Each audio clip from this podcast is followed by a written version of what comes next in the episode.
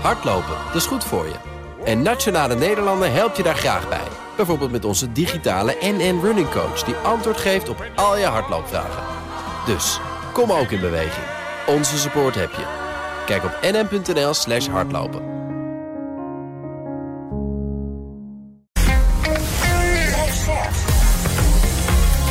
BNR Nieuwsradio. De wereld.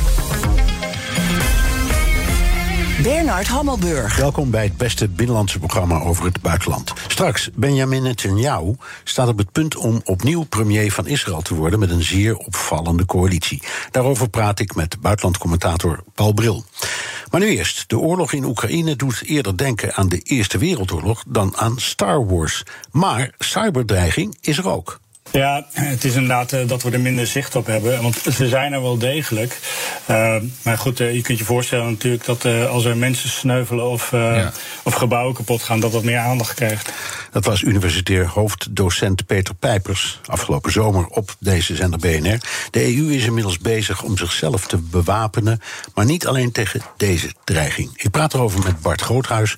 Europarlementariër voor Renew Europe namens de VVD. Welkom. Goedemiddag, meneer Hammelburg. Goedemiddag. Het Amerikaanse leger um, heeft een contract gegeven van 1,2 miljard dollar aan Raytheon om geavanceerde luchtdoelsystemen te ontwikkelen voor Oekraïne. Een immens bedrag. Ook ja. weer. Geeft dat aan hoeveel Amerika doet of uh, hoe weinig Europa relatief doet? Dat ziet men in Brussel heel anders. Ik denk dat wij. Uh, het juiste is dat de Amerikanen meer geven aan het, in de sfeer van uh, wapens en uh, militaire middelen. Maar het is ook zo dat Europa betaalt met, met andere middelen. Bij ons is de energieprijs een stuk hoger dan in de VS. ons concurrentievermogen staat wat onder druk. En dat is ook met inflatie betalen wij denk ik ook veel. Dus het moet geen competitie worden wie het meest betaalt. We doen allebei staan we eensgezind achter het doel om de NAVO, zeg maar, om Oekraïne te steunen. Ja, dat is waar. Maar dingen als inflatie en, en, en prijzen van energie. Dat is natuurlijk geen betaling aan Oekraïne. Dat is de prijs die we betalen voor Oekraïne. Ja, Oekraïne betaalt in mensenlevens, hè, zegt Jens Stoltenberg, de secretaris-generaal van NAVO. Maar wij betalen ook vaak met, met geld. En dat kan zijn in de vorm van, van, van middelen in de sfeer van. Uh, zoals Amerika dat doet, kan ook in andere vormen zijn. Maar we moeten wel zorgen dat we een level playing field houden. En eensgezindheid houden in de wereld als het gaat om handel en betrekkingen met elkaar. Want we zijn eensgezind tegen de, uh, Rusland, trekken we op en dat moeten we zo houden. Ja. Voordat u de politiek inging, was u hoofd van het bureau Cybersecurity bij het ministerie van Defensie. Als we naar deze oorlog kijken, um, dan zien we steeds maar loopgraven, net als in de Eerste Wereldoorlog. Is, is, is, doet cyber hier aan mee aan dit verhaal? Ja, uh, we moeten niet meegaan in het frame dat het allemaal wel meevalt. Hè. Het, is, het is echt zo. Ik heb met diverse bedrijven gesproken. Ook uh, de grootste uh, Amerikaanse cybersecurity bedrijven, Europese. En die zeggen dat het operationele tempo ongekend hoog is. En ze switchen steeds van nieuwe modus operandi. Waardoor het ook voor de Oekraïners heel moeilijk is om de Russen eruit te krijgen. En ze mikken niet alleen op het midden- en kleinbedrijf, wat je steeds vaker hoort. Maar ook op vitale sectoren. En zelfs met behulp van buitenlandse ondernemingen.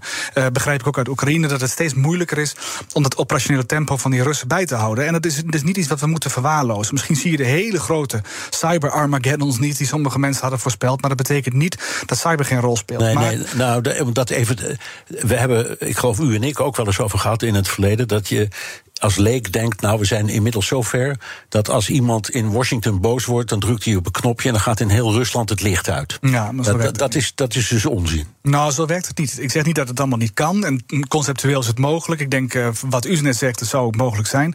Maar de Russen hebben er moeite mee.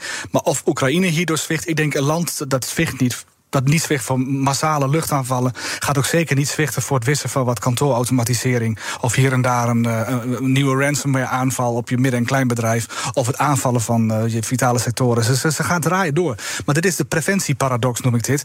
De Amerikanen, de Britten, wij, um, ook de Oekraïners zelf doen zoveel, zo goed aan het cyberdefense, aan het hardenen van hun weerbaarheid in het digitale domein. Dat de Russen hier geen grote slagen slaan. Maar dat betekent niet dat we de les moeten trekken van het valt wel mee. De les die we moeten trekken is: we moeten veel meer doen aan onze cyberdefense. Ja. En we moeten leren van wat hier werkt en wat hier niet werkt. En als ik u goed hoor, doen we dat dus al goed. Want u zegt we houden een hele hoop tegen. Ja, ik denk dat de Oekraïners gigantisch veel tegenhouden. Geef, maar ook- geef eens een idee van wat voor soort eh, kwesties er dan spelen. Nou, in de vitale infrastructuur is het ook zo dat ze samen een nieuw concept hebben bedacht. Dat je centraal vanuit Oekraïne bijvoorbeeld ook kunt kijken. Kunnen we eh, op afstand ook instant response doen? Dus om, om, om hackers eruit te vegen. Dat niet, niet mensen in een Volkswagen Polo of in een busje naar de andere kant van het land moeten om daar te helpen. Maar om dat remote vanaf, vanaf een centrale locatie snel en efficiënt te doen. Voor de vitale infrastructuur, et cetera. En dat is wat ze uit hebben gerold. Ik vind dat te gek. Ik denk dat het ook lessen zijn die je in Nederland gewoon één op één kunt toepassen. We moeten niet alleen maar kijken naar de regels hier. We moeten ook kijken naar de lessen buiten. Ehm, het, is van belang dat wij ook in onze vitale infrastructuur af en toe kunnen meekijken. om daar hackers uit te, weren. U zegt, ehm, we, we zouden daar in Nederland eh, les uit kunnen trekken. Of eh, welke? En kunnen we, kunnen we iets concreets doen dan ook? Want ehm, het is heel mooi om. eh, u- Als, vanuit uw positie hebt u alle reden om Nederland, bij wijze van spreken, eh, de spiegel voor te houden van wat Ja. er allemaal gebeurt. Wat moeten we doen dan? Nou, ik, ik, ik ik kan bijvoorbeeld indenken, we hebben een cybercommando. We zijn niet in oorlog hè, als Nederland. Dus die hebben op zich geen offensieve operaties uit te voeren op dit moment. Wat ze wel zouden kunnen doen, is het helpen van het verdedigen tegen andere hackers. En dan zouden teams, zoals de Amerikanen dat ook doen met een cybercommando, vitale infrastructuur kunnen beschermen hier in Nederland. Maar ik denk ook, meneer Hammelburg, aan Moldavië. Ik denk ook aan eh, Georgië, misschien Bosnië, misschien de westelijke Balkan. Er zijn ook landen die onder druk staan van de Russische Ja. agressie. En ook die moeten we helpen. En die waren niet voor niets uitgenodigd op eh, de NAVO-top. hè? Ja, zo is het. Dat is dat. eh, ehm, de, de, de FBI zegt die Russische hackers die hebben het vooral gemunt op Europese gasinstallaties. Is dat, is dat inderdaad dreiging? We zagen er wel bij eh Zaporizhia weer een in de lucht gaan, maar die was gewoon met een raket door een raket getroffen. Ja, de weapon of choice, zeggen we dan van de, van de Russen, is absoluut een raket en niet het cybermiddel. En ik denk dat we dat ook nog wel een tijdje zo zullen zien. In, in Europa zou je kunnen zeggen, is- staat onze energiesector extra onder de belangstelling. Nu het alternatieven voor Russische gasaanvoer eh, hier in Europa binnenkomen. Ik denk dat dat wel iets is waar je rekening mee moet houden. Onze energieinfrastructuur, dat is altijd een, eh, het is de warme belangstelling van de Russische hacker, hackinggemeenschap. Ja. Dus eh, laten we ons daar extra ons best doen om ons daar tegen te wapenen. Ja, nog even iets. eh, die vraag hebben we het ook al eens eerder over gehad, maar ik vind hem toch niet onbelangrijk. Het klinkt allemaal alsof wij ons moeten verdedigen tegen voortdurende aanvallen. Dat zal ongetwijfeld zo zijn. Is het andersom niet ook zo? Wij zijn toch niet van de straat? Wij doen vast hetzelfde als wat die Russen doen, denk ik dan. Nou, kijk, we zijn niet in oorlog. Hè. We hebben geen mandaat om daar aan te grijpen. Ik denk dat het vooral zo is ehm, in de sfeer van contra-inlichting. Het is vooral een, eh, een sfeer van inlichtingendiensten tegen inlichtingendiensten die infrastructuur onklaar maken. En daar zie je weinig van in het publieke debat of in, in, in, in, de, in de media. Dat betekent niet dat het niet gebeurt. Ik denk dat het heel goed is dat we diensten hebben die af en toe onze belangen behartigen in die sfeer. Maar ja, dat betekent niet dat het altijd eh, publiek gemaakt hoeft te worden. Maar natuurlijk gebeurt dat. Die hebben het mandaat. Ja, nou, ik wou maar zeggen, ik denk steeds wat de Russen kunnen, we kunnen we waarschijnlijk in het Westen zelf ook. Dus eh, het klinkt zo alsof wij een hondje zijn dat met de pootjes omhoog gaat liggen en zeggen: Oh, wat, wat, doen die, wat doen die vreselijke mensen ons nou allemaal aan?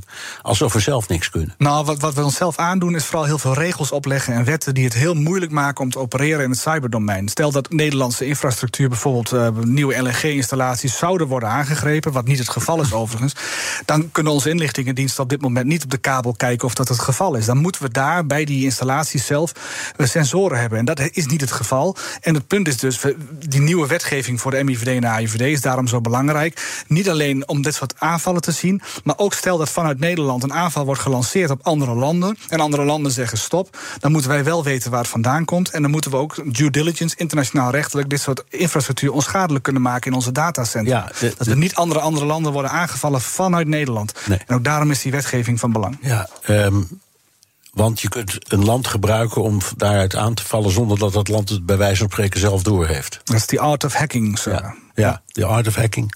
Ehm, Nederlandse inlichtingendiensten die maken zich vooral zorgen over Rusland en China.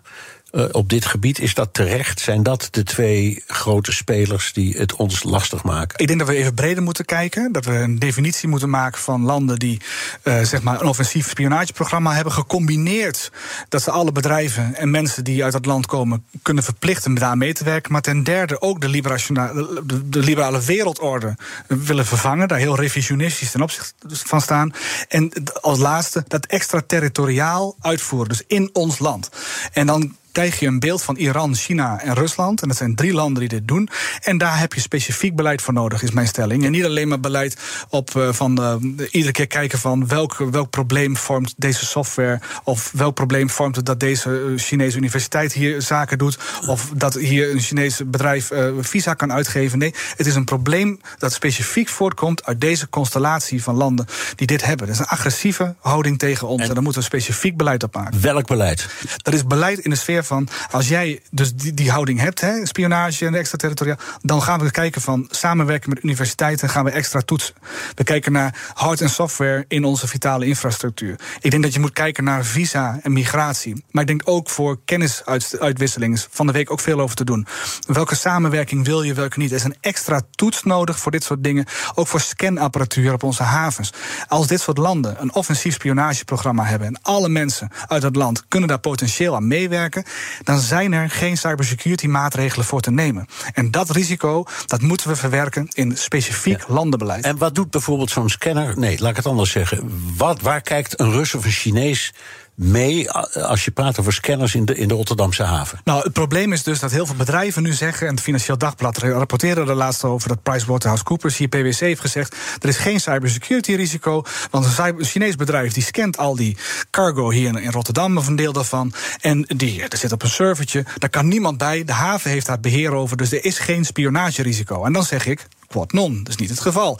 Want daar komen ook voor innovatie, voor uitrol, voor maintenance, voor beheer, komen daar Chinezen over de vloer. En daar heb je geen mitigerende maatregelen voor. En ten tweede, er is een businessmodel van die scanningapparatuur op die havens, vliegvelden, dat erop op ziet dat ze in de toekomst gaan kijken naar data-aggregatie, data-analyse. Hoe kan ik een, haven of een vliegveld of een eh, nog efficiënter en goedkoper laten lopen? En dan zeggen ze: hier heb ik de software, de data-analyse-oplossing. Want ik heb, jullie hebben de hardware al. En je zwemt in een fuik van een business businessmodel. Ook daar is geen cybersecurity maatregel uh, voor beschikbaar. En waar, en waar kopen we zo'n scanner? Een scanner kun je kopen in, bij Europese concurrenten van uh, Nuctec. Uh, wat een, overigens een Chinese staatsonderneming is. En uh, 25% goedkoper verkoopt, wat gewoon illegaal is. Maar ook een Amerikaanse concurrent is OSI Systems. Maar je kunt gewoon in ieder geval iets doen aan deze ongelijkheid. In het Europees Parlement speelt dit nu. Ik heb vanochtend een brief verstuurd naar mijn collega's. waarin ik oproep om een tender van 1 miljard. voor Europese douanes en havens. Om daar in ieder geval voor te zorgen dat, Chinese, dat Chinese bedrijf Nuctec daar geen kans krijgt. Ik wil niet dat onze buitengrenzen volledig worden bewaakt door Chinese equipment. Nu moet je de geopolitiek inprijzen. Niet wachten tot het te laat is. Nu moeten we zorgen dat gewoon Europese bedrijven of Amerikaanse bedrijven dit leveren. Niet Chinese staatsondernemingen. ik wou iets vragen over conventionele wapens, want die zijn er helaas ook nog. Moet je misschien, of misschien is het juist goed in deze omstandigheden. Boeing heeft goedkope raketten met effectieve bommen aangeboden voor de lange afstand. 160 tot 180 kilometer. Daarmee zou Oekraïne doelen in Rusland kunnen raken. En de Amerikanen hebben steeds een limiet gehouden van hooguit 80 tot 90 kilometer. Net achter de Russische linie, maar niet verder. Hoe staat u hier tegenover? Betekent, naar mijn idee, als ze hiertoe besluiten, betekent dat een dramatische of drastische verandering van de oorlog? Dat is het. Maar er zijn twee drastische veranderingen. De eerste is de loopgraven, waar u al even aan refereerde. Dat doet denken aan uh, Verdun, aan Yper. Ja. Maar het doet ook, er zijn moderne loopgraven, vergis u zich niet, over een lijn van zo'n duizend kilometer. En voor mij betekent dat maar één ding. Dat betekent dat het, ze zijn ingegraven, ze zitten voor de lange termijn en ze gaan voor de uitputting van Oekraïne. Maar ze gaan ook voor de uitputting van ons van Europa. Die loopgraven zijn voor mij het symbool dat deze, het politieke signaal dat deze oorlog nog lang niet voorbij is. Ze wachten tot wij onze steun, onze, de steun voor sancties afnemen. Dat is het e-, eerste belangrijke, denk ik. Uh, nu ben ik even de rest van uw vraag. Nee, nee, goed. En, en, en, die wapens, ja, het tweede wat het betekent is dat ze richting de Krim gaan. Ik denk eerder richting de Krim dan richting Belgorod of andere steden of Rostov. Ik denk vooral dat de Amerikanen zullen zeggen: als jullie de Krim willen veroveren, dan uh, heb je hier wat middelen. Ja. En krijg je deze goedkope Boeing uh, van ons cadeau. Ja. Dit is BNR De Wereld. Mijn gast is Bart Groothuis, Europarlementariër voor Renew Europe namens de VVD. We cannot let Putin win. This would show authoritarian leaders around the world that they can achieve their goals by using military force. We need to help Ukraine to defend themselves against this uh, horrific uh, type of uh, warfare. NAVO-chef Jens Stoltenberg wij als Westen blijven Oekraïne ondertussen volop steunen. Biden zei onlangs ook dat die steun een topprioriteit blijft. Wij in Europa, dat zei u al, financieren vooral veel hulp nadat um, we al eerder wapens hadden geleverd. Um, en de vraag die bij mij steeds opkomt en die je ook hoort, is hoe lang is dit vol te houden? Ik bedoel die steun. Want het kost, en als u gelijk hebt en die oorlog gaat nog een hele tijd duren, dan gaat er nog heel veel geld heen en ook nog heel veel wapens. Hoe lang, hoe lang houden we dat vol voordat, er, voordat het maatschappelijk draagveld breekt en daardoor ook de politiek? Ik denk dat we dit heel lang volhouden. De, onze, ons verzet hiertegen is, uh, is goed te managen. Op het moment dat we ook um, wel zeg maar, de staat ook bijspringt. Want we zien nu wel een verhoging van de energieprijzen. We zien nu een um, behoorlijke verslechtering van de concurrentiepositie. En daar moeten we denk ik wel even wat mee. Want dat, is niet, um, dat komt niet van de straat. Zegt u, dat, dat, dat gebeurt ons niet. Nee, maar de staat, zijn, de staat zijn we toch ook zelf. Dat als de staat iets doet, is dat ons belastinggeld. Dus dat is eigenlijk dat is sigaren de eigen doos. Ja, maar kijk, de discussie die we nu hebben in Brussel, dat is van zet maar een prijsplafond op, op gas. Hè. En dat zijn vooral landen van Italië, Griekenland en België, die komen bij mij. En waarom doen ze dat? Ze hebben de grootste begrotingstekort, de grootste staatsschuld. En die zijn bang dat Nederland zijn industrie gaat uh, steunen en Duitsland. En dat zij daar geen geld voor hebben. Het is een fiscaal probleem binnen Europa. Dat moeten we oplossen. Ik denk dat we ja, dat, dat ook kan, maar niet met de middelen zoals de, zoals, de Grieken en, en, de Belgen het willen. Ik denk dat we op een nette manier de markt het werk moeten laten doen maar onze bedrijven wel moeten steunen. Of de manier waarop de Amerikanen doen met die Inflation Reduction Act. Um, hoe staat u daar tegenover? Nou, dat is denk ik in Brussel is dat nu talk of the town. Ja. Het buzzword. Het is gewoon dus protectionisme. Het is puur protectionisme. Het is uit de heup. Het is snel gedaan. En Fransen die reageren dan ook uit de heup. En ik als Hollander probeer dan iets op de rem te staan. Pas op voor de tegenreactie. Want ik snap dat we onze bedrijven moeten, moeten steunen. Dat vind ik ook. Ik vind ook dat Europa dat moet doen. En als Duitsland het doet en Europa doet niks, vind ik dat Nederland het ook moet doen. Uh, eigenstandig, het liefst Europees. Als het niet anders kan, Nederland ook. Want onze bedrijven betalen 6 tot 8 keer meer voor LNG dan de Amerikaanse bedrijven. En die Inflation Reduction Act compenseert ook nog eens die prijs en geeft een outlook op de waterstofprijs bijvoorbeeld van 3 dollar per kilo. Waardoor heel veel bedrijven denken: hé, hey, dat is interessant. Daarvan denk ik, wij horen een soortgelijk perspectief in Europa te stellen. Zonder een overreactie, maar voorzichtig. Je zou kunnen zeggen, wat de Amerikanen doen... is misschien in strijd met de regels van uh, de Wereldhandelsorganisatie. Dat is het. Ja? Als wij het ook gaan doen, dan overtreden wij ook de regels van de Wereldhandelsorganisatie. Nou, Brussel heeft de neiging om alles conceptueel eerst heel goed te doordenken... helemaal een rond verhaal te hebben, wat helemaal klopt. En dan vervolgens zijn we veel tijd kwijt en klopt het net niet met de uitwerking. Ondertussen bedenken de Amerikanen weer iets nieuws... en loop je achter de feiten aan. Het is ook zo wij moeten onze industrie beschermen. Die verdient dat. Ja, maar dat is een u houdt dus een pleidooi voor het overtreden van de WHO-regels. Ik hou een pleidooi voor doen wat nodig is om te zorgen dat onze bedrijven niet onnodig concurrentienadeel ondervinden van een oneerlijke maatregel vanuit de VS. En dan moeten we echt iets tegen. En ik vind wel dat je niet moet doorslaan zoals de Fransen die zeggen: maak een Buy European Act. Hè, zoals de Amerikanen nu Buy American hebt. Want dan gaan India en Brazilië gaan ook met reacties komen. En dan is de hele wereld in turmoil.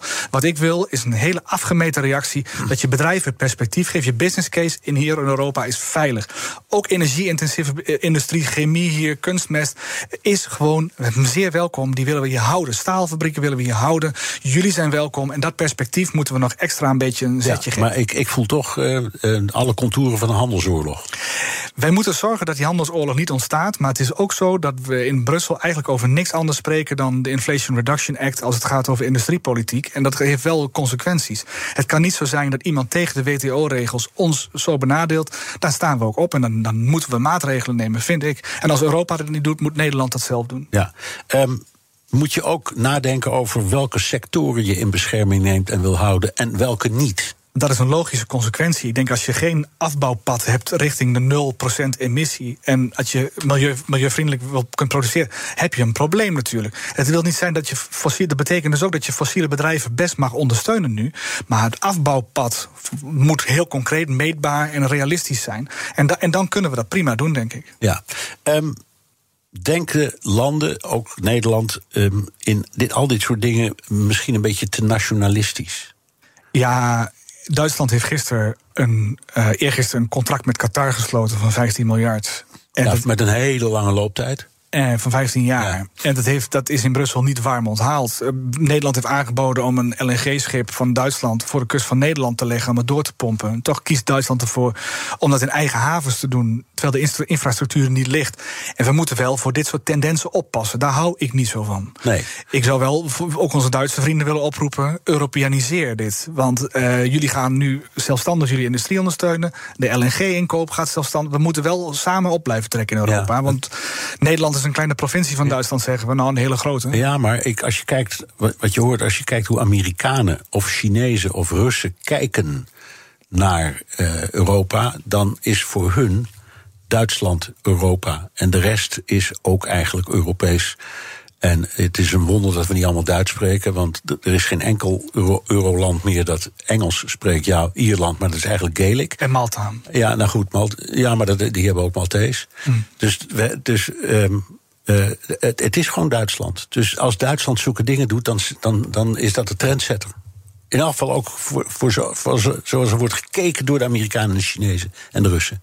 Ja, wat wij moeten doen is samen optrekken in Europa om ons eensgezind tegen Oekraïne, maar ook ons bedrijfsleven goed te beschermen. Het kan niet zo zijn dat we ons in dit, in dit tijdsgevricht uit elkaar laten spelen door een handelsoorlog met, met onze Amerikaanse vrienden die we nog meer nodig gaan hebben dan ooit. Ik vind het belangrijk om dicht bij elkaar te blijven en ze niet van ons te vervreemden.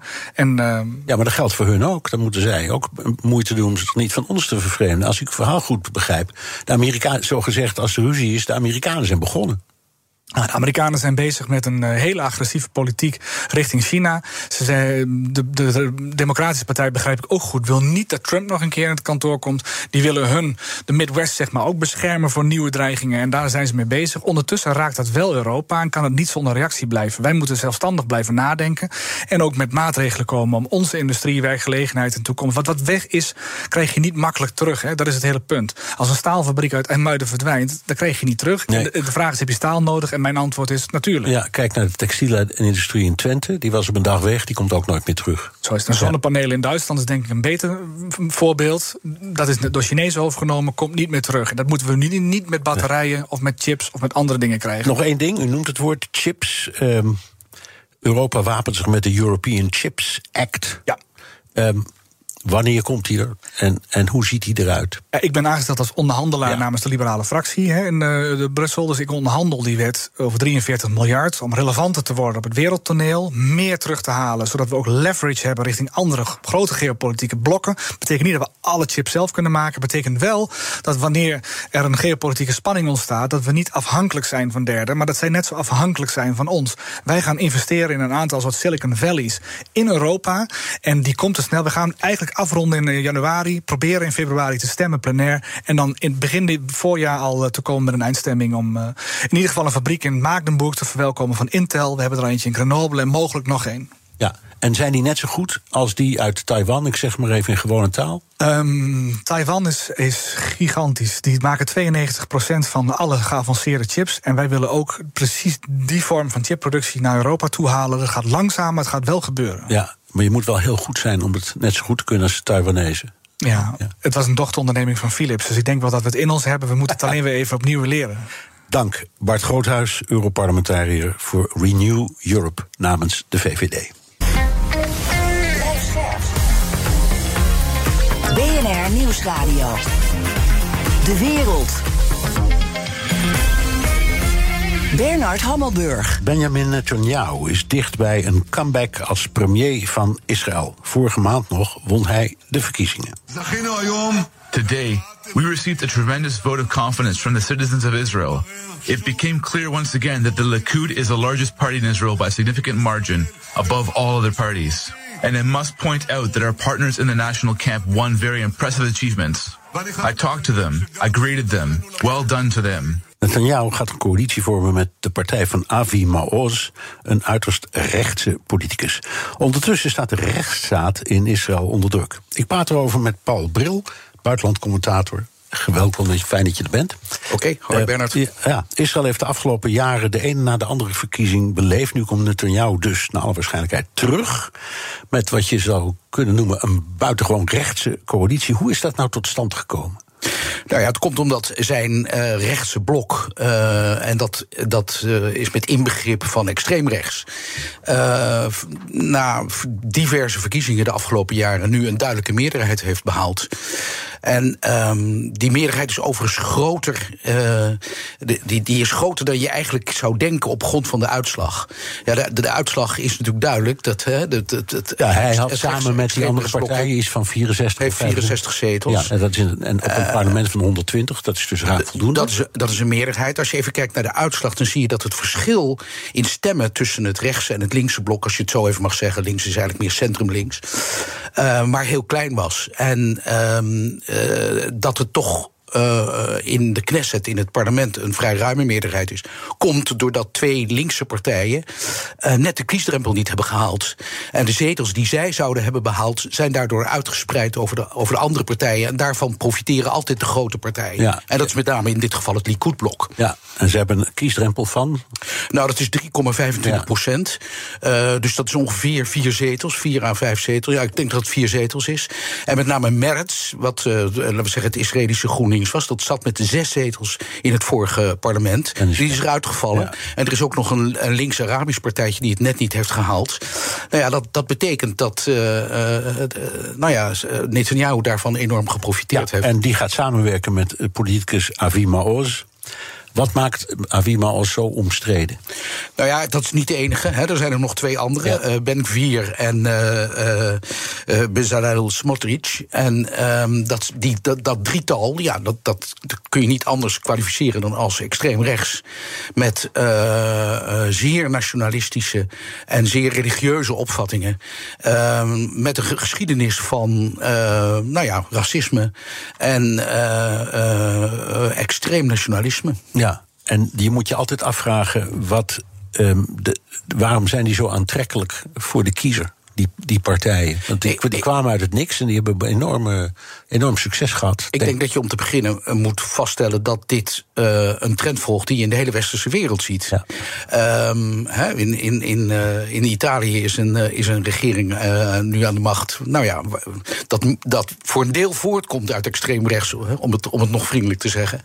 Um, en, over, overal in alle West-Europese landen, in de Verenigde Staten, zie je dat extreem rechts een behoorlijk deel van het electoraat aanspreekt. Um, wat het verschil is, is dat in de meeste democratieën uh, middenpartijen, uh, maar ook conservatieve partijen, toch een soort streep trekken en zeggen: Nou, we willen met zeer uh, uitgesproken extreemrechtse elementen niet samenwerken. Dat doet Netanyahu wel. Ja, en de vorige keer heeft het, het duo Lapid-Bennett een kabinet samengesteld van, ik geloof, acht partijen. Ja. En die hadden maar één doel. Dat was een, een, een cordon sanitair trekken rondom Netanyahu, zodat hij uh, niet aan de macht zou komen. Is toen ook gelukt. En toen kwam er iets heel aparts uit. Een, een coalitie van links naar rechts. Allemaal. Um, waar, maar die waren, als je naar totaal keek, toch ook behoorlijk conservatief. Het was niet een, een progressieve club. Nee, het, het, het, was een bondgeheel van, van behoorlijk rechts ja. en, en, en waar, ook waar, behoorlijk religieus en naar verschil, seculier en links. Ja, en waarin verschilt deze uh, nieuwe coalitie dan van de vorige? Dit is duidelijk een rechtse tot extreem rechtse combinatie. En in welk, waar zie je het in? Je, je, ziet het in. Uh, nou ja, je moet het nog zien. Ik bedoel, ja. de regering is nog niet geformeerd. Eigenlijk weten we ook nog niet wat het beleidsprogramma is. Het gaat in Israël vaak niet zo heel erg om het beleid. Het gaat heel, vaak, heel vaak om de poppetjes. Het gaat heel erg uh, om belangen van uh, partijen die een, graag dicht bij de staatskas willen zitten. om subsidie te krijgen. Dat geldt met name voor religieuze partijen. die voor hun religieuze scholen en voor hun religieuze instituten geld willen. Um, dus we moeten er even afwachten waar het beleid nu op neerkomt. Maar als je kijkt natuurlijk naar het verleden, uh, met name van die, uh, de, van die, religie, die extreem religieuze partijen, hè, die nu met 14 zetels in, het, in de Knesset zitten en behoorlijke zware eisen stellen voor hun deelname aan de regering. nou ja, die, die, die, die, die, je, je, weet waar, waar ze voor staan, in het, hè, wat, ze hebben, wat ze hebben gezegd en gedaan in het verleden. Om maar een voorbeeld te noemen. een van de, een van de drie drie musketiers, als ik ze zo mag noemen, Smotrich, dus een van de leiders van religious Zionism, ja, die heeft in het verleden de Gay Pride, die in Israël een normaal festiviteit is, erger dan bestialiteit genoemd. Dus dan weet je met welke inzet zo iemand in de regering komt. dat willen ze gaan verbieden. ze willen ook dat de religieuze wetten boven de seculiere wetten, boven de wetten van de staat komen te staan. Ze willen dat de Knesset eventuele uitspraken van het Hoge Rechtshof kan overrulen. Ja, nou heeft Netanyahu inmiddels gezegd uh, dat zijn regering niet gaat uh, regeren volgens Joodse Bijbelse wetten. Dus dat is waar jij aan refereert.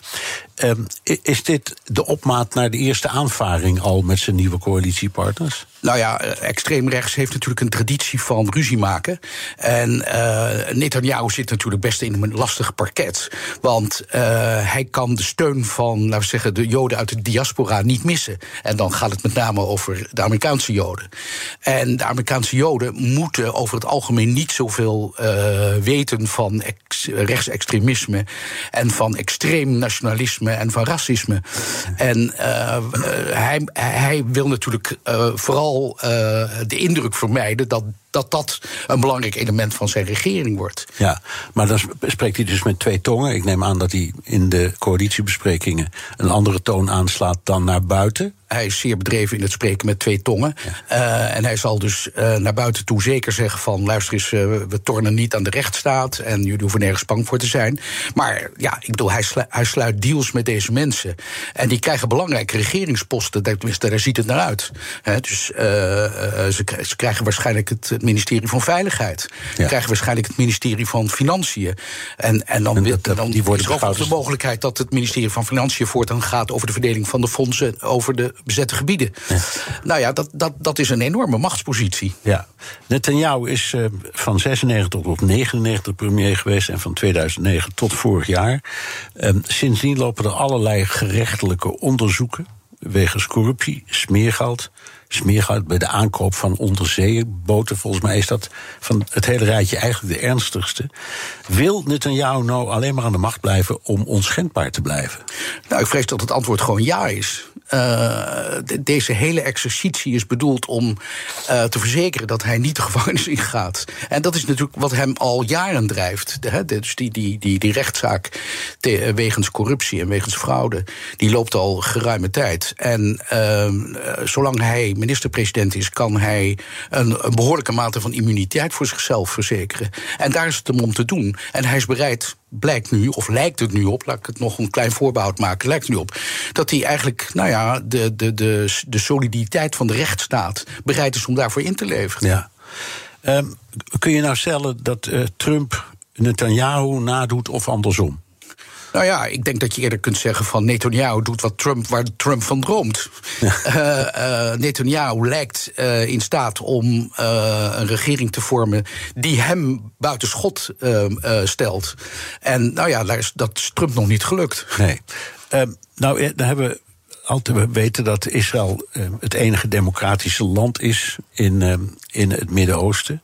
En is altijd zeer gerespecteerd uh, om de onafhankelijkheid van het Hoge Rechtshof. Dat vaak tegen regeringen of gangbare meningen in dwars ging en vonniste op manieren die vaak voor die regeringen buitengewoon onaangenaam waren. Staat nu die rechtsstaat onder druk? Ik, ik vind het best zorgwekkend en, en, en, en, ja, ook teleurstellend. Inderdaad, uh, als je kijkt naar de regio, wat je ook op Israël uh, aan te merken hebt en hoeveel kritiek er ook mogelijk is op bijvoorbeeld nederzettingenbeleid. Uh, wat wat, wat onverminderd van kracht bleef, was dat Israël een bastion was, of een oase, net hoe je het wil noemen, van rechtsstatelijkheid, van democratie en van liberale waarden. En die, staan, ja, die komen nu toch wel enorm onder druk te staan. En dat zal ook de verhouding tussen Israël en de diaspora en de rest van de wereld natuurlijk toch gaan beïnvloeden. Ja, eh, ik lees ook verhalen dat Netanyahu rechters wil vervangen. Uh, in de hoop, denk ik, dat daar daarvoor in de plaats rechters uh, komen die uh, hem welgezind zijn in zijn procedures. Maar het roept de vraag op wie, wie bestelt eigenlijk rechters aan in dat land? Nou ja, het, de, de, rechterlijke macht uh, is een zelfstandige, uh, een, een, zelfstandige pilaar, een zelfstandige ja. zuil van de rechtsstaat Israël. Op het moment dat de benoeming van rechters geheel in de handen komt van de politiek en wel van de kleine meerderheid van het politieke stelsel, verandert er wat. Hè? Dat, dit is het Poolse model, zou ik haast zeggen. Ja. Dit is BNR de Wereld. Mijn gast is Paul Bril, buitenlandcommentator. Er zijn nog veel meer zorgen over de staat en de rechtspraak in Israël. Uh, wordt Israël een soort, je noemde het al, wordt, gaat het een beetje op Hongarije of op Polen lijken of die kant uit? Uh, en die zitten dan nog binnen de EU, dus er zijn middelen die de EU heeft om ze misschien te weerhouden. Maar hoe, hoe zit dat daar dan? Nou ja, we, moeten natuurlijk afwachten van wat er nou precies uitkomt. Uh, Netanyahu heeft nog tien dagen om zijn regering te formeren. Hè, om het helemaal rond te maken, het hele proces. Als het, als het hem binnen die tijd niet lukt, dan, ja, dan vervalt zijn formatieopdracht. Dan moeten we zien wat er dan gebeurt. Maar ik neem aan dat het hem lukt. Daar, daar, daar wijst alles op. Um, nou ja, dan, moet, dan moeten we zien hoe hij gaat manoeuvreren. Hè. ik denk dat Netanyahu. eigenlijk is het komisch dat als straks zo'n zo'n regering met uh, religious Zionism, hè, dat, zo heet die, die, die groep van extreemrechts, als die tot stand komt, dat Netanyahu zelf dan ineens de gematigde kracht binnen ja. die regering is. Ja. Wel, wel, grappig om te zien. Ja. Um, en, dan, en dan zal hij dus inderdaad moeten gaan manoeuvreren, omdat hij uh, de relaties met de buitenwereld en met name met de Verenigde Staten goed moet houden. Want hoe je het ook went of Israël blijft voor zijn veiligheid uh, enorm afhankelijk van uh, Amerika, van Amerikaanse know-how, van Amerikaanse inlichtingen en van Amerikaans militair materieel. Ja. Um, in hoeverre hoor je of zie jij. Um, uh, hoe moet ik het zeggen, angst of, of ongerustheid onder de bevolking? Want je hebt daar veel contacten. Wat hoor je dan? Ja, het is maar net met wie je, met wie je praat. Hè. Wat, dat betreft is, is Israël natuurlijk niet, niet heel veel anders dan uh, wat we overal in de westerse wereld zien. Namelijk dat er een soort scheiding gaat lopen binnen, door de bevolking heen. En dat de, de, de ene helft, bij wijze van spreken, uh, nauwelijks meer praat met de andere helft. Uh, dat, dat merk je in Israël ook heel erg. Ja. En dat merk je in Amerika heel erg, dat weet je zelf maar al te goed. nou, in, in Nederland is het wat dat betreft allemaal nog een stuk gematigder. Ja. Maar het, het is, een, het is een, een verschijnsel dat je overal ziet. Ja. De relaties die Israël heeft met andere landen in het Midden-Oosten is aanzienlijk verbeterd sinds het sluiten van de Abraham-akkoorden in 2020. Just a few moments ago, I hosted a very special call with two friends, Prime Minister Benjamin Netanyahu of Israel and Crown Prince Mohammed bin Zayed of the United Arab Emirates, where they agreed to finalize a historical peace agreement. Everybody said this would be impossible. Verenigde Staten onder Trump, Bahrein, Marokko, Sudan, Verenigde Arabische Emiraten, uh, die vormden een deal. Uh, en uh, die, die, die maakten dus een eind aan, laten we zeggen, hun vijandschap, officieel. Wat betekent deze verkiezingsuitslag voor dat proces van die Abraham-akkoorden? Nou ja, ik, ik, verwacht niet al te veel. In ieder geval voorlopig niet. Want, uh, nou ja, A, uh, de, de, de Arabische partners in die Abraham-akkoorden... die malen niet zo erg om de rechtsstaat en om de democratie. Dat is niet waar het hun om begonnen is. Zij zien Israël meer als een powerhouse, een militair en een technologisch powerhouse... Die, waar zij enorm van kunnen profiteren. En ik denk dat die, dat motief, dat verandert niet. Nee. En het onderwerp daarin is natuurlijk Iran. Dat zal wel de, de gezamenlijke. E, exact. Uh, de, het, het, gaat, het gaat om het frontvorming tegen Iran. Het gaat ook om, om gebruik te, te, maken van de, van de technologische kennis en de technologische. hulp die, die Israël kan bieden. Ja, nou, nou is die, die nieuwe partij, in ieder geval Avi Maos, nou niet bepaald een vriend van de moslims. Eh, er zijn twee kanten aan. Kan Netanyahu hem in bedwang houden? Want dat lijkt me voor de, in, de, de, de verhoudingen in het binnenland niet onbelangrijk. En weer teruggaan naar die Arabische wereld. Hoe reageert hij erop? Of zeg jij dat zal ze ook een zorg zijn? Ik denk dat ze in eerste instantie een zorg zal zijn, maar uh, ze kunnen er dus niet helemaal van afsluiten. als, als, er natuurlijk, als er natuurlijk eh, deze nieuwe Israëlische regering uh, nou ja, echt, echt, werk gaat maken van de denkbeelden die dus bij die extreemrechtse elementen uh, leven. Ja. Uh, en, en, en, en, en, er worden allerlei maatregelen getroffen die de Arabische bevolking treffen. zowel de Arabische bevolking in Israël als natuurlijk die, die van de bezette gebieden. Ja, dan, dan kan dat zijn weerklank krijgen, zijn weerslag krijgen in de Arabische wereld. Ja. En daar krijgen dan de, de heersende regimes ook mee te maken. Ja brengt ons op één ding. Ehm, het, de, de plaat met de breuk, zal ik maar zeggen. De Israëlisch-Palestijnse relatie. Ehm, iedereen die daarover praat, heeft het altijd over een vredesproces. Ik heb de indruk dat het helemaal niet bestaat of niet meer bestaat. Hoe staat dat ervoor? Is er nog zoiets als een Israëlisch-Palestijns vredesproces? Het is er op papier, maar in werkelijkheid niet. En uh, het is er mede niet omdat we zeggen, de hele Palestijnse kwestie enorm in belang is gedaald. Uh, uh, en hoe komt dat dan? Ik denk dat het ook te maken heeft met de internationale constellatie. Ik bedoel, uh, de Verenigde Staten concentreren zich op andere kwesties. en andere kwesties dringen zich ook aan de wereld op. Aan, ja. aan Amerika, aan Europa. He, dat is natuurlijk het agressieve Rusland. Dat is de Chinese uitdaging. die hebben natuurlijk enorm aan belang gewonnen. Ja. En het Midden-Oosten na Vanand is in belang gedaald. Ja, dus um, het is slecht nieuws voor de Palestijnen, zou je kunnen zeggen. Um, hoewel, het is natuurlijk ook zo dat die, die rommelen veel met elkaar. Het is dus ook heel lastig, zelfs als je zou willen, om zo'n vredesproces weer op gang te trekken. Zeker, de, de, de, laten we zeggen, de permanente verdeeldheid in Palestijnse kring heeft natuurlijk de Palestijnen altijd parten gespeeld. En, uh, en, en dat is niet anders. Dat is nu nog. En dat speelt nu nog erger op, omdat uh, ze geen vuist meer kunnen maken.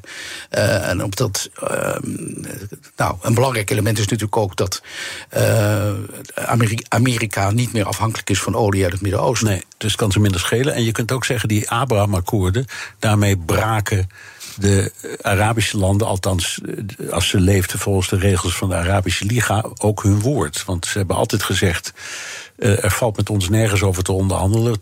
Totdat die Palestijnse kwestie is geregeld. Ja. En toen zijn ze toch in die uh, akkoorden gestapt. Ja, en uh, het zijn natuurlijk relatief eh, minder belangrijke landen, die Abraham-akkoorden. Het zijn uh, de twee golfstaten. Uh, het is Marokko en Sudan. Maar ze zouden dit nooit hebben gedaan als Saudi-Arabië daar niet zijn zegen aan had gegeven. En dat is natuurlijk de, de crux van het hele proces. Dat is namelijk de relatie ja, Saudi-Arabië. Begrijp ik, maar dat waren allemaal landen. We zagen dat nu ook weer in Qatar in dat voetbalstadion met die, die armband. Ja. Uh, die Palestijnse armband. Dat, dat zijn allemaal, nou goed, dat zijn tekenen van we, we, zijn er nog en we zijn solidair, maar het betekent niks meer. Als ik Palestijn was, zou ik waarschijnlijk daar zeer door beledigd zijn. Ik zeg, dat, ik, ik heb niks aan iemand die een armband omdoet, ik heb iets aan een regeling. Ja, maar goed, de, de, de, de, Palestijnen leven altijd in de gedachte dat uiteindelijk de geschiedenis aan hun kant is. En dat, ja, dat, dat is een waandenkbeeld waar ze maar niet van loskomen. En dat ze denken dat het uiteindelijk hun kant zal oprollen. En dat gebeurt niet. en uh, dat geldt eigenlijk een beetje voor de hele Arabische wereld. Ik moest er nog even aan denken. Uh, toen gisteravond het nieuws binnenkwam dat uh, de Algemene Vergadering van de Verenigde Naties weer, een, weer eens een resolutie heeft aangenomen. Waarin een, een, herdenking wordt afgesproken van de Nakba, van, ja. van de catastrofe die de oprichting van de staat Israël was. 1948. En, dan moet je dus en dat was in resolutie ingediend door Egypte, Tunesië en nog een paar Arabische landen. En dan moet je bedenken dat dus diezelfde oprichting van de staat Israël op grond van het VN-verdelingsplan is geschied. Ja. Uh, nou ja, dit, dit soort uitspraken van, uh, van de internationale gemeenschap, aangestuurd door de Arabische wereld, zetten in Israël altijd kwaad bloed. Hè. Het is een soort bevestiging van het idee: we worden belegerd, de wereld is tegen ja. ons. Ja. Dankjewel. Paul Bril, buitenlandcommentator. Hoop je gauw weer terug te zien. Okay. Postma in Amerika. Tijd voor het Amerikaanse nieuws door de ogen van onze correspondent in Washington, Jan Postma. Jan, we moeten het over soccer hebben. He? President Biden was erg enthousiast na de overwinning van het Amerikaanse nationale elftal op Iran. Ja, en Amerika is nog steeds niet echt een voetballand. Hè. Ze noemen het ook nog steeds soccer. Dus ja. Nou, is een Engels woord, is een Brits woord hoor. Oh, is Ja, dat zo? ja, dat is zo, Want de ja. Britten noemen het gewoon voetbal, Ja, hè, zoals wij dat ook noemen. Ja, maar goed. Ah. Nou goed, er was eh, vandaag nog een, een klein eh, relletje over. Want David Beckham die stuurde een berichtje van... eh, het is toch echt voetbal hoor mensen. Jullie blijven het sokker noemen. Maar, maar goed, Ja. je ziet dat die Amerikanen de, de, de- aan het kijken zijn... En, en dat ze enthousiast zijn, dat ze erin meegaan. En, en dat ze ook wel lekker opportunistisch... steeds wat enthousiaster worden als het goed gaat met Amerika. En dat geldt ook voor Biden. Hij was in Michigan in een fabriek waar hij net een toespraak had gegeven. En daar kreeg hij de uitslag van de wedstrijd eh, door. Eh, 1-0 gewonnen door de Amerikanen. Amerika dus door. En je ziet hem dan het podium, nou ja, ja opstuiven zou ik willen zeggen. Maar het is, het is meer een beetje op, op- voor zijn leeftijd, respectabele snelheid, ging hij dat podium op. En hij geeft dan die uitslag. En dan claimt hij ook zelf de overwinning een beetje. USA, USA. That's a big game, man. Well, I spoke to the coach and the players. I said, "You can do this." They went, "Ah, they're gonna." They did it. God love them. Anyway, just thought you might want to hear. Ja, hij eh, geloofde er al die tijd al in. En eh, hij heeft zelfs zelf nog eventjes ze wat geholpen. Dus bijna een beetje Trumpiaans. Hoe dat een heel klein beetje zo naar zichzelf eh, eh, toetrekt. En ja, het Witte Huis probeert wat mee te liften op het succes van dat Amerikaanse team. Op dat gevoel van nationale trots. En daar zit ook wat opportunisme in natuurlijk. Want volgens mij heeft Biden zelf helemaal niet zoveel met voetbal. Eh, de minister van Buitenlandse Zaken, Anthony Blinken, wel. Dat is echt een liefhebber. Ja. De wedstrijd tegen Iran was politiek beladen, zoals het hele WK trouwens politiek beladen is. In Nederland wordt veel gesproken over speltjes, armbanden en mensenrechten. Hoe zit dat in Amerika? Ja, ik, ik hoor er eigenlijk niks over. Af en toe een klein berichtje, dat is het dan. En eh, ik krijg inderdaad uit Nederland al die berichtjes eh, wel mee... over de, de minister, het pinnetje, eh, de, de, de, het sjaaltje wat er overheen hing. Ehm, maar hier eh, is dat helemaal geen onderwerp, eigenlijk bijna geen onderwerp. Eh, tijdens de rust, eh, in de wedstrijd tegen Iran... eh, maakte Amerika zelfs bekend dat ze een wapenlevering... van 1 miljard dollar hebben goedgekeurd aan Iran... Eh, minister Blinken, ik noemde hem net al, die was als voetballiefhebber, maar vooral als minister natuurlijk in Qatar aanwezig. Eh, die had het ook wel een heel klein beetje even over mensenrechten, maar kijkt toch vooral naar Qatar als het bruggenhoofd in de regio, een belangrijke partner.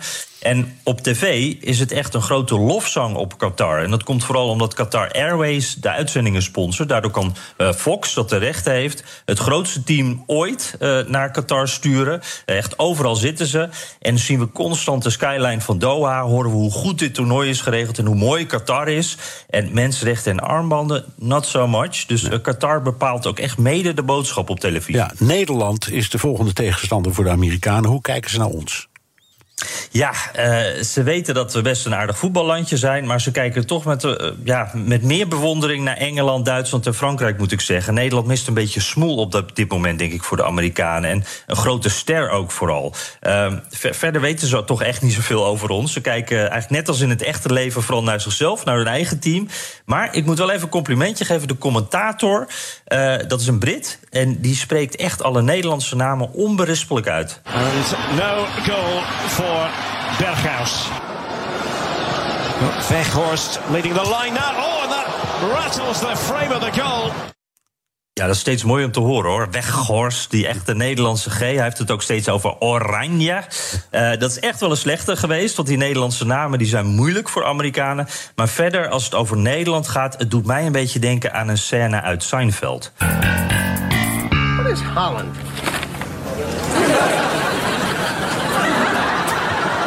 What do you mean, what is it? It's a country right next to Belgium. No, that's the Netherlands. Holland is the Netherlands. Then who are the Dutch? Ja, nog steeds een dagelijkse spraakverwarring. Ook op televisie, ook bij de voetbaluitzendingen. Dus ja, dat geld van Qatar hebben we niet. Dus we moeten gewoon maar op het eh, veld winnen zaterdag, Bernard. Ja. Dankjewel, Jan Postma, correspondent in Washington. Wilt u meer horen over dat fascinerende land? Luister dan naar de Amerika-podcast van Jan en mij. En tot zover BNR De Wereld. Terugluisteren kan via de site, de app, Spotify of Apple Podcast.